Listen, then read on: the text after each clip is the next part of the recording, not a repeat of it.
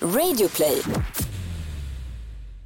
I den här podden tar vi till största del upp obekräftad information.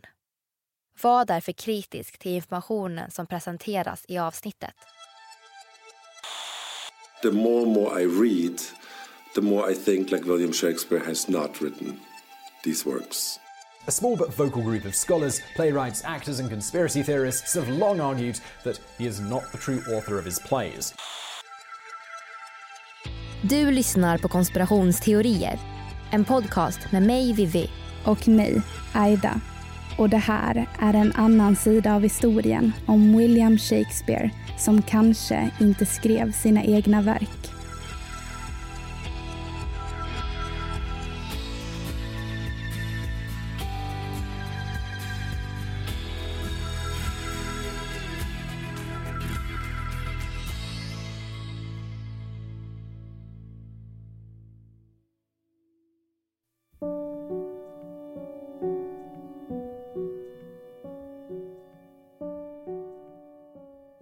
Slutet av 1550-talet till början av 1600-talet var det en guldålder i England. Litteraturen blomstrade, likaså poesin. Det var verkligen renässansens höjdpunkt. Under den här tiden sökte sig en ung man till London, till hjärtat av teatern Mannen lämnade ett stort avtryck efter sig och inspirerade många människor världen över genom vackra texter om insiktsfulla ämnen som kom att ha stor betydelse för senrenässansens England. Idag är det ett stort mysterium vad mannen, som hade hjärtat för teatern, gjorde under sitt liv. Vad alla är enade om är i alla fall att författaren hade en kärlek till ord. Däremot finns det inte alls många uppgifter, vare sig om hans liv eller hur han skrev så många fantastiska verk om hat, svek, lojalitet och kärlek. Mannen tros ha hetat William Shakespeare och blev senare känd som en av de främsta dramatikerna som har vandrat på den här jorden. Det ska dröja ungefär 200 år innan han ifrågasätts som en bluff då flera nya teorier började eldas på i samhällen. Författaren till verken kanske inte alls hette William Shakespeare. Under slutet av 90-talet och framåt började ett antal stora tidskrifter och medieföretag publicera kulturnyheter. Där fanns texter om bland annat flera historiker, litteraturvetare och skeptiker som påstod att William Shakespeare den storslagna författaren och kanske världens främsta dramatiker och poet inte skrivit sina verk. Därför ska vi idag gå in på den stora konspirationsteorin kring författarfrågan. Var William Shakespeare verkligen Shakespeare? Eller kan det istället vara någon eller några andra som har skrivit alla fantastiska verk? Det ska vi prata om idag när vi ska diskutera en konspirationsteori om William Shakespeare.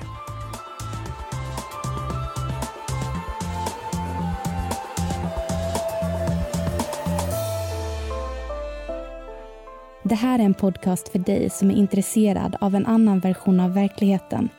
En version som tar upp alternativa teorier, mystiska sammanträffanden och diskussioner om vad som kan vara sant.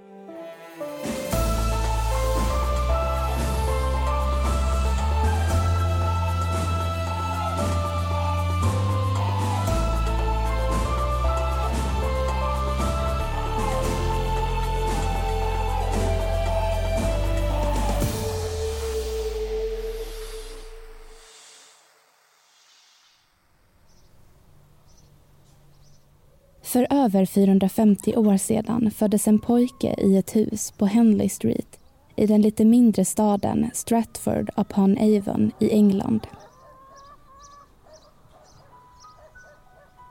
Året var 1564 och Stratford upon Avon hade under våren drabbats av den svåraste pesten sedan digerdöden inträffade 200 år tidigare. Pojken fick namnet William av mamma Mary Arden och pappa John Shakespeare och klarade sig undan pesten. Huset fylldes av syskon och tyvärr dog pojkens två äldre systrar i unga år men han fick senare tre bröder och två systrar till. Han lärde sig läsa och skriva på Stratfords latinskola där han började som sex eller sjuåring. Där lärde han sig grammatik, retorik, att skriva egna texter och pussla ihop information från olika källor. Förmodligen var det här intresset växte sig stort. Han gifte sig med frun Anne Hathaway år 1582 och tillsammans fick de tre barn, Susanna och tvillingarna Hamnet och Judith. Dessvärre avled Hamnet redan vid 11 års ålder, något som troligtvis inträffade på grund av pesten. Familjen flyttade från Stratford och åkte till London som var teaterns medelpunkt. Under resten av 1580-talet finns det ingen som vet vad William Shakespeare sysslade med. Men det finns flertalet olika teorier om vad han faktiskt gjorde. De flesta verkar dock vara rådande överens om att teaterintresset växte sig stort och att han förr eller senare gick med i ett teatersällskap.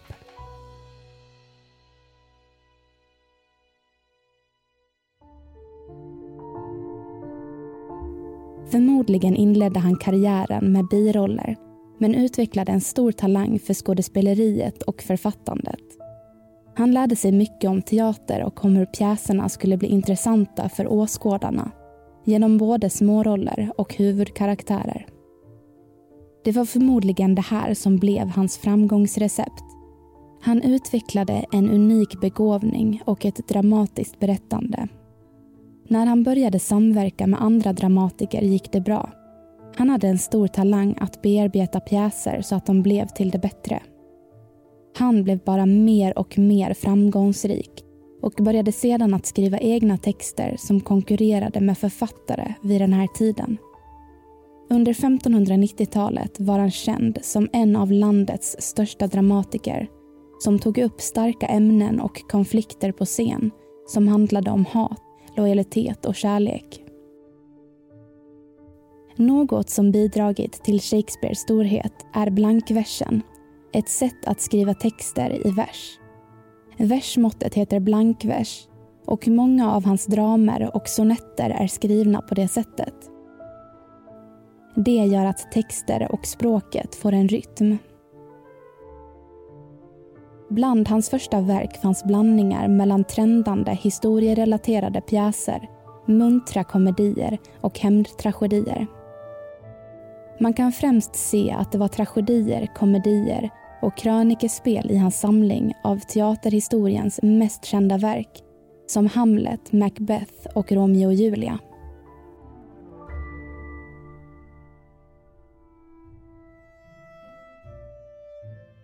Att vara eller inte vara, det är frågan.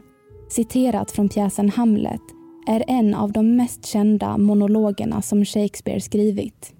En monolog som handlar om Hamlets självmördande och plågor som han ville få slut på. Den blodiga pjäsen utspelar sig vid Danmarks kungahus. Hamlets far mördas i sömnen av sin bror Claudius. Och pjäsen handlar om Hamlets hämnd. En klassisk pjäs som tolkats i många olika versioner. Bland Shakespeares tragedier kan vi även hitta Romeo och Julia som fått enorm spridning världen över. En pjäs som gestaltar den omöjliga unga kärleken mellan Romeo och Julia vars familjer aldrig skulle tillåta att de gifte sig eftersom de låg i en bitter fejd. När deras öden slutligen var dömda valde de hellre att ta sina egna liv än att skiljas åt i jordelivet. Kanske känner ni igen citatet från akt 2, scen 2. Oh, Romeo, Fool art thou Romeo? Vi vet inte så mycket om William Shakespeare egentligen. Vad menade han genom sina dikter och teaterstycken? Varför bodde han inte med sin fru eller familj under större delen av sitt liv? Och en riktigt intressant fråga är faktiskt Hur såg han ut? Idag finns det bara ett porträtt som engelska forskare tror ska föreställa den världsberömde dramatikern Shakespeares utseende. Listen to this. Not a single manuscript or poem was ever found in William Shakespeare's own handwriting, not even a letter. And this from a man who is known to have divided his time between London and Stratford. Wouldn't that normally have produced a vast amount of correspondence? If you're away from home for so long, maybe a little note to his wife asking, How are the kids? The largest literary hunt in history produced not a single handwritten note of William Shakespeare. Strange, right? Idag är såklart William Shakespeare en av världens främsta dramatiker död. Han dog år 1616 men man kan minst sagt säga att han är odödlig genom sina verk. Det dröjde dock sju år efter hans död innan hans pjäser gavs ut i tryck för att bevaras. Boken Mr William Shakespeares Comedies, Histories and Tragedies blev det första samlingsverket med nästan alla hans verk. Under 1700-talet uppmärksammades han allt mer innan människor började ifrågasätta ifall William Shakespeare, en enkel skådespelare, verkligen kunde skriva de pjäser som måste ha varit skrivna av utbildade dramatiker och adliga personer. Innan vi går in på teorierna finns det en sak om 1600-talets England som kan vara bra att veta. Det var nämligen så att många av dåtidens skrifter publicerades anonymt eller under lånade namn. Det var alltså vanligt att ifrågasätta och spekulera kring författare och allmänheten var ofta förvirrade.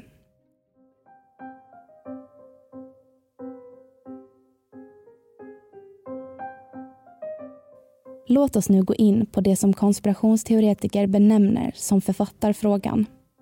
Den handlar mycket om att vi inte med säkerhet vet hur Shakespeare kom i kontakt med teatern. Det är för flera historiker och konspirationsteoretiker ett stort mysterium och väldigt ovanligt att någon i Shakespeares position skulle vilja förknippas med författarskap och skådespeleri. Som vi nämnde tidigare finns det inte heller mycket information kring vad han gjorde under resten av 1580-talet. Information om den större delen av hans liv kommer från mycket osäkra uppgifter detta har gjort att rykten blandat med en hel del spekulationer i sin tur har växt fram som en ny konspirationsteori. Det finns nämligen många olika teorier om vad poeten och språkförnyaren Shakespeare gjorde och inte gjorde när det gäller sina verk. Vi vet med säkerhet att Shakespeare var involverad i teaterns värld där han verkade som både regissör och skådespelare. Han var även delägare till den teatern där hans verk framfördes. Men hur kan en pojke, en son till en handskomakare och kommunpolitiker växa upp till att bli en av historiens främsta författare, poeter och dramatiker?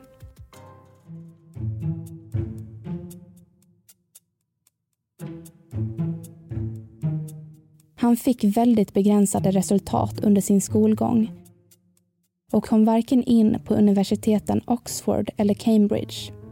Troligtvis fick Shakespeare bara en lokal grundskoleutbildning. Hade han verkligen kunskaperna i språk, grammatik och geografi som krävdes för att skriva de historiska verk som han gjorde? Hur lärde han sig den konsten?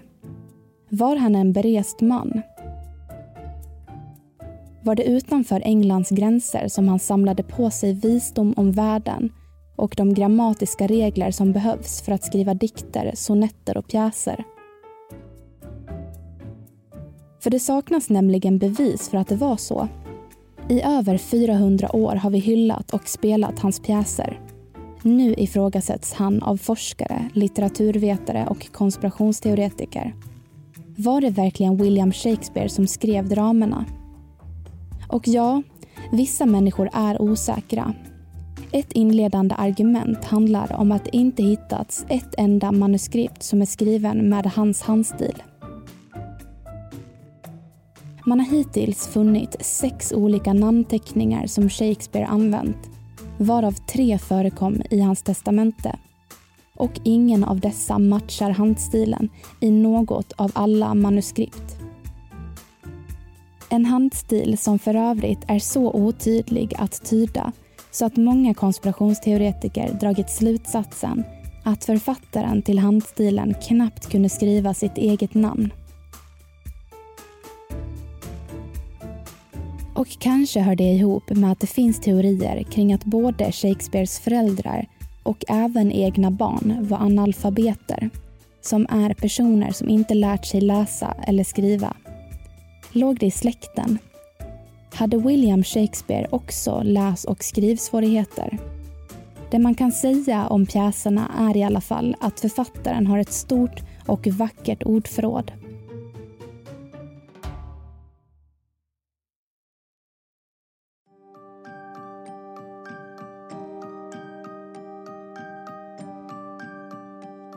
I Shakespeares testamente står det skrivet om gåvor till familj och vänner. Men inget nämns om några pjäser. Det står ingenting om det stora bibliotek som han lämnade efter sig. Begrep han inte storheten i verken? Jo, troligtvis gjorde han det. För det vore osannolikt att han inte visste om det med tanke på hans författar och skådespelartalanger som benämnts i en skrift år 1592. Det här brukar ses som ett tecken på att han faktiskt var igenkänd under den här tiden. Men å andra sidan så finns det väldigt lite information som tyder på att han var en berömd författare. De papper som finns arkiverade om honom berättar till stor del om hans vardagliga sysselsättningar. Inte om hans storartade verk. Men det beror helt säkert på vem du frågar. Så varför är Shakespeare inte Shakespeare? De flesta argumenten från konspirationsteoretiker handlar om social klass. Men vi ska börja i andra änden av historien, nämligen vid hans död och gravplats.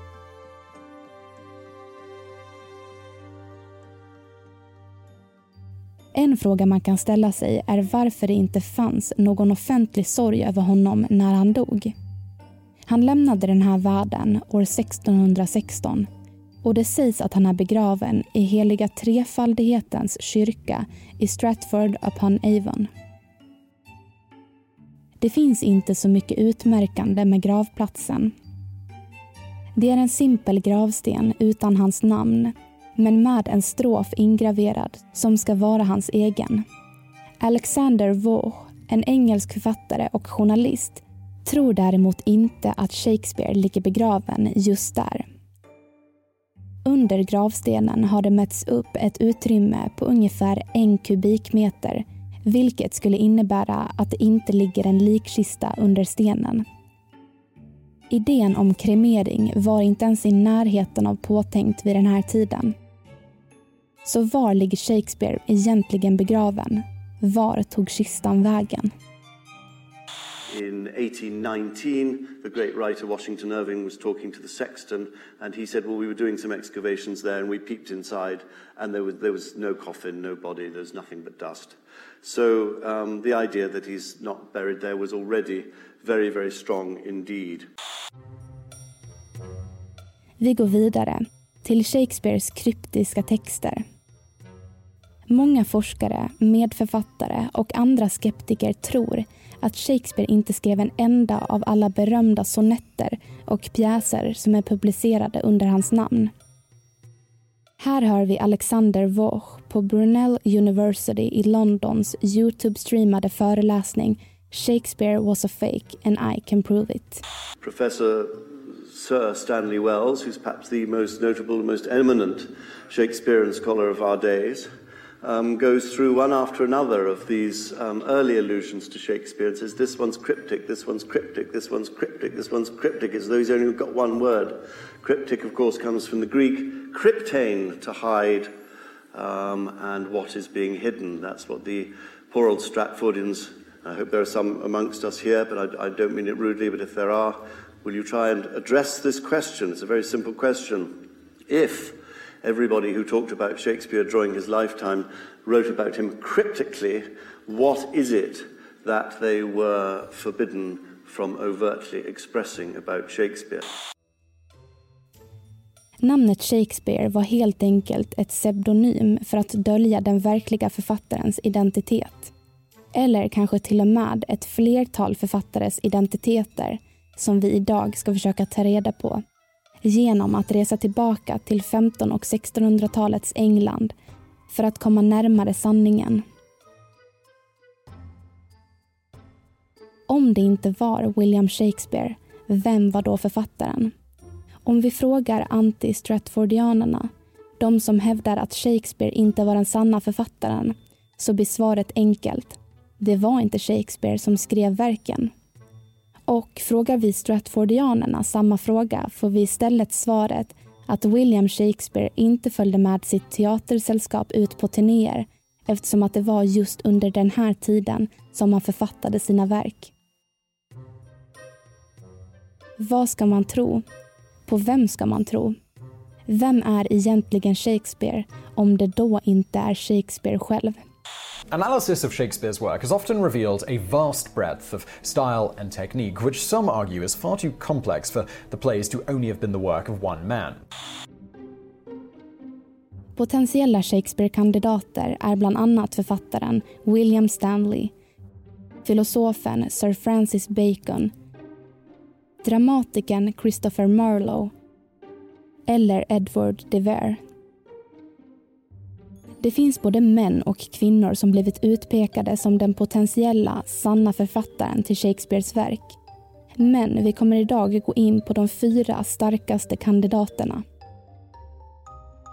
Var någon av dessa den verkliga Shakespeare?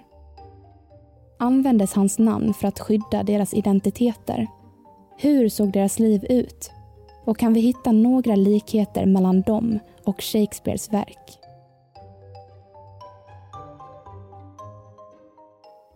Vi börjar med Darbyte-teorin som är tron att Shakespeare egentligen är täckmanteln åt författaren, politikern och adelsmannen William Stanley.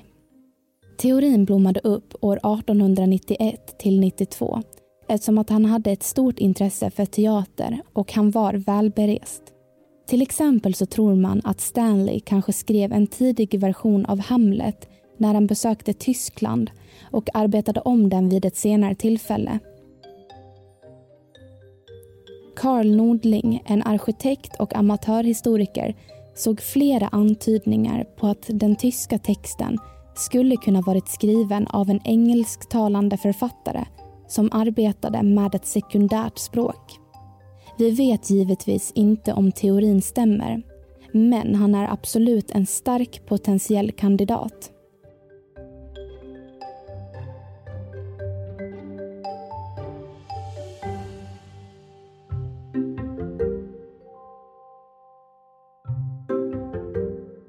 Derbyte-teoretiker tror inte att Shakespeare dog år 1616 utan att han levde 16 år senare, år 1632 när den andra upplagan av Shakespeares verk släpptes.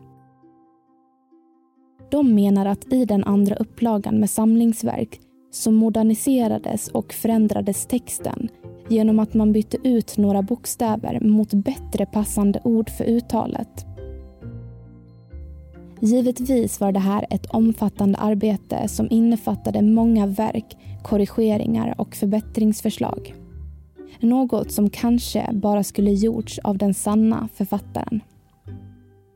Nästa kandidat som många tror kan vara den äkta Shakespeare är Francis Bacon, en av de ledande figurerna inom den engelska renässansen.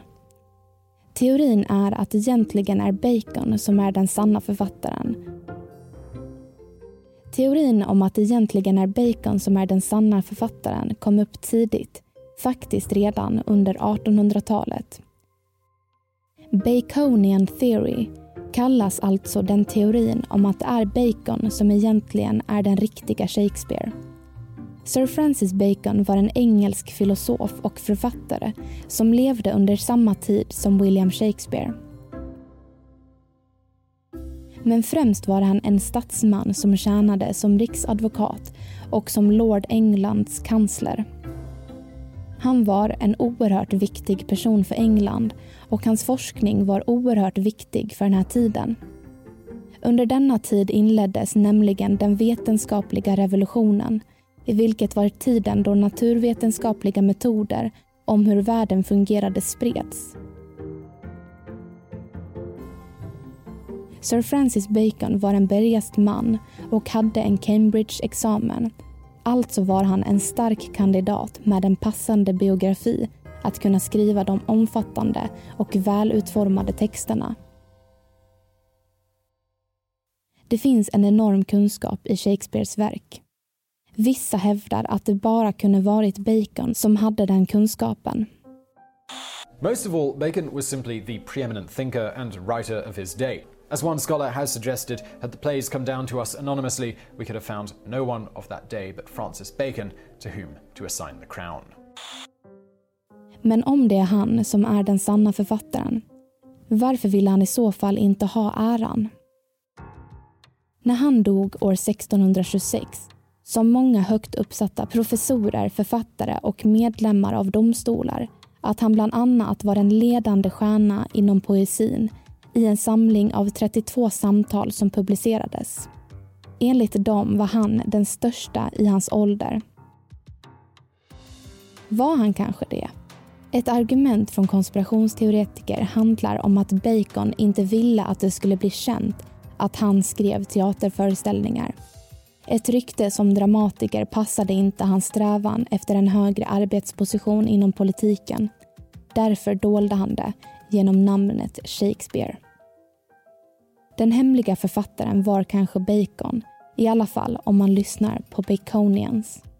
De menar att det finns överensstämmelser mellan Shakespeares och Bacons verk som kan tolkas till att det är samma författare. Det ska även förekomma antydningar till att det finns kryptiska meddelanden i vissa texter som stödjer teorin. Those who believe Bacon wrote Shakespeare have pointed to everything from his personal letters to similarity in writing style, textual analysis, autobiographical similarities, and even supposed cryptographic passages hidden within the plays. Bacon was an expert on the law, and many have pointed to the many legal references in Shakespeare's plays, references a man of Shakespeare's education shouldn't have known.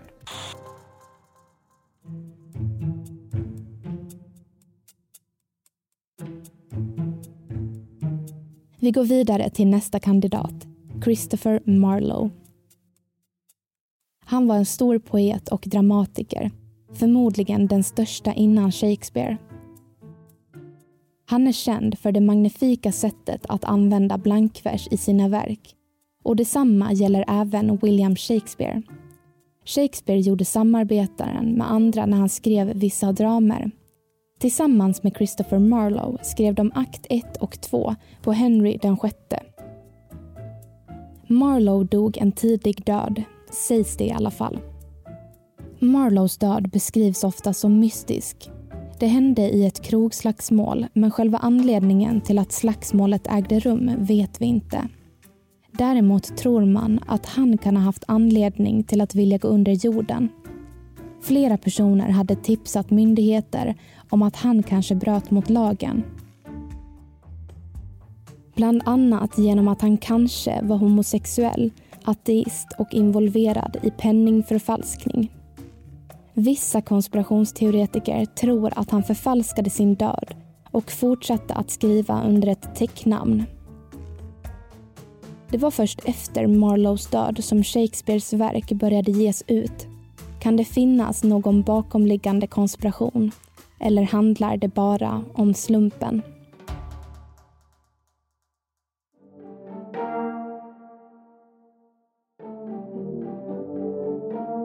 Dagens sista gissning landar på dramatikern och poeten Edward de Vere som slutade publicerade poesi i sitt eget namn efter att verken som tillskrivits Shakespeare fick spridning. De Vere var en framstående och inflytelserik person. Han var en välutbildad man med intresse för både språk, historia och kultur. Han var även berest över hela Europa. Något som gör han lämpad att skriva dramer som utspelar sig på olika platser. Idag utpekas han som den sanna författaren bakom Shakespeare på grund av sin starka, passande bakgrund. Det här har fått stort förtroende från flera historiker, forskare, teaterhistoriker och litteraturvetare. Så använde han namnet Shakespeare som täckmantel för att skydda sin egen ställning. Kan den mytomspunna William Shakespeare egentligen vara någon annan? Är det kanske William Stanley, Sir Francis Bacon, Christopher Marlowe eller Edward de Vere? Eller är det alla fyra som arbetat tillsammans? Det finns inte alls många uppgifter kring Shakespeare. Idag finns det bara ett porträtt som engelska forskare tror ska föreställa den världsberömde dramatikern Shakespeare och ska ha gjorts under hans livstid. Utan tavlan finns det inte ett enda bevis för hur Shakespeare såg ut vilket troligtvis har gett teorin om en alternativ författare till verken lite extra bränsle.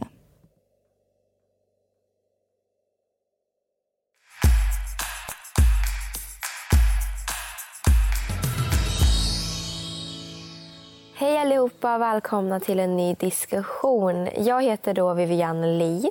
Och mitt namn är Aida Engvall. Och som ni har märkt så har jag inte riktigt varit med i några avsnitt nu på sistone. Och det är faktiskt enbart på grund av coronaviruset. Jag har blivit... Um... Karantänsatt.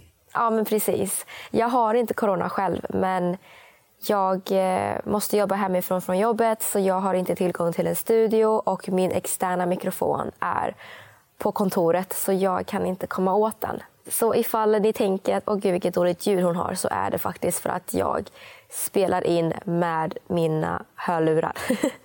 Mm. med den vanliga mikrofonen där. Men ja, jag hoppas alla är säkra trots de här tiderna och ni kan ju passa på att lyssna på massa podd nu. Det är ju gratis och det är ju bara att köra underhållning hörni. Mm, precis. Um, men ja, vi tänker att vi hoppar in i diskussionen nu direkt Aira. Diskussionen om Shakespeare verkligen är den sanna författaren. Mm.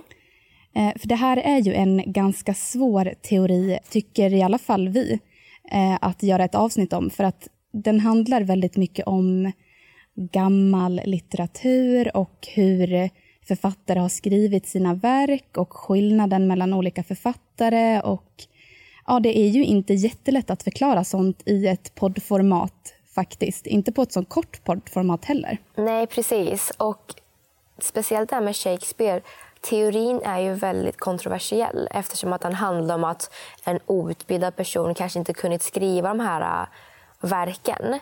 Trots att vi har flera lysande exempel i nutid på att det är möjligt att komma hur långt som helst utan utbildning. Vi har ju exempelvis Steve Jobs och han hoppade av college efter en termin. Sen så finns det ju jättemycket andra människor som är framgångsrika personer som har kommit hur långt som helst. Den här teorin är väldigt kontroversiell för att den speglar lite kring det här med att bara för att du inte har en ordentlig utbildning så kan du inte komma långt. Men mm. jag håller inte med. utan Det är klart att utbildningen tar det jättelångt men alltså, vissa människor har bara det där lilla extra. Ja, precis. Alltså, har man talang så har man talang. Och uppenbarligen så har Shakespeare talang. Eh. Ja, vilket gör att Aida Engvall, du tror inte på den här konspirationsteorin, eller? Jo, alltså delvis faktiskt. För att eh, det som gör att den här teorin får trovärdighet enligt mig handlar om hur det såg ut på typ 1500-1600-talet. Mm. Och det var ju mycket där kring att eh, folk skrev texter under andra namn för att man inte ville liksom göra sig känd som en författare för att man... Det var mycket kring samhällsklasser och ja, det passade helt enkelt inte alla människor för att man ville kanske satsa på en karriär inom politik eller inom ekonomi och då var författarskap inte någonting som man kunde ha även, alltså så som vi har tolkat det i alla fall. Så det tycker jag ökar trovärdigheten i att då kanske det faktiskt var någon annan som eller några andra till och med, som skrev de här verken istället. Mm. Hänger du med på vad jag menar? Absolut. Och ja, det, så kan det ju lika gärna vara att någon hade intresse för det men ville inte stämpla sitt egna namn i det för att man var rädd för hur samhället skulle se på en. Så därför valde man att ha ja, men ett falskt namn istället. Mm, precis. Och jag tycker också att det i samband med att i Shakespeares testamente så finns det inget tecken på att det har funnits några verk. Man har inte sett några brev eller någonting till hans familj. Mm. Eh, där man har sett hur han skrev. Det finns till exempel inga dikter till hans fru eller någonting som man kanske tänker att en, så, en sån poet borde ha gjort. Mm. Eh, och det finns heller inte alls mycket information om vad han gjorde under sitt liv. Så, och det tycker jag känns lite lustigt eftersom han ändå var han var ändå känd, speciellt mot slutet av sitt liv, som en författare. Varför finns det inga texter om honom eller från honom? Det är en väldigt, väldigt bra fråga. Mm. Och Vissa konspirationsteoretiker tror ju att någon skrev åt honom. Att han förmodligen stod där och babblade ut allting och sen så var det någon som skrev ner allting åt honom som kanske var utbildad, vem vet? Mm, jo, absolut. Så kan det vara. Precis. Så ja, det är väldigt svårt det här. För att jag tänker att det här hände ju för så himla länge sedan. Mm. Hur ska man kunna bevisa något sånt? Nej, alltså det är ju många eh, litteraturforskare, litteraturvetare, eh, teaterhistoriker som har gått djupare in på bland annat några av de här eh, andra männen som vi har tagit upp i dagens avsnitt. Mm. Och hittat likheter, hittat kryptiska meddelanden, hittat anledningar till att ja, men här släppte Shakespeare ett verk samtidigt som Edward de Vere släppte ett verk. Det, det finns likheter där. Um, så kanske så kan man hitta mer information på sånt sätt, men vi kommer ju aldrig egentligen veta, för att det är så länge sedan. Precis, och en annan grej som också är väldigt intressant är filmen Anonymous som faktiskt handlar om det här. Ja, men kring att någon annan skrev Shakespeares verk. Och jag har personligen inte sett den och det har väl inte du heller? Nej, men jag planerar på att göra det faktiskt. Mm. För det är, det är så, så intressant. Ja, precis. Det är så himla intressant mm. kring vad som är sant eller inte. Mm. Men ja, ni får jättegärna säga till oss vad ni tror om det här. Och Det här är ju då det sista avsnittet för säsongen. Mm. Så vilket avsnitt var din favorit, Aida? Jag måste nog ändå säga 5G, alltså det här nya nätet. För det är så himla aktuellt och eh, intressant verkligen. Mm. Ditt då? Jag tycker också 5G. Um, ehm, jag lärde mig jättemycket om 5G och det känns också väldigt, väldigt, väldigt aktuellt i och med att det är ju planerat att, att det skulle lansera och sådär. Mm. Um, så nej, det fångade mitt intresse väldigt mycket. Men ni får jättegärna säga vilken som var er favorit. Under pausen nu så tycker ju vi att ni kan lyssna på de andra säsongerna så länge bara för att underhålla er nu under de här äh, hemska tiderna nu. Och eh, vi kör ju ett litet uppehåll nu, men vi är tillbaka med ännu en säsong till i vår, så ni kan vara lugna. Men fram tills dess så får ni jättegärna skicka in om ni har tips på konspirationsteorier som vi kan prata om, så ska vi göra allt vi kan för att få med era favoriter. Ja, och glöm inte att följa oss på Instagram där vi heter Världens konspirationsteorier. Sen så har vi också en Facebookgrupp där vi snackar om konspirationsteorier som heter Konspirationsteorier efter snack. Mm. Och glöm inte att recensera oss på ja, men vart ni nu lyssnar på oss. För det hjälper oss jättemycket. Men vi hoppas att allting blir bra så får vi se om nästa säsong kommer spelas in med min vanliga jag vet inte, datamick eller om det kommer bli en studio för mig. Ja. Men stay safe hörni. Så hörs vi i vår. Ja, det gör vi. Puss och kram. Puss puss.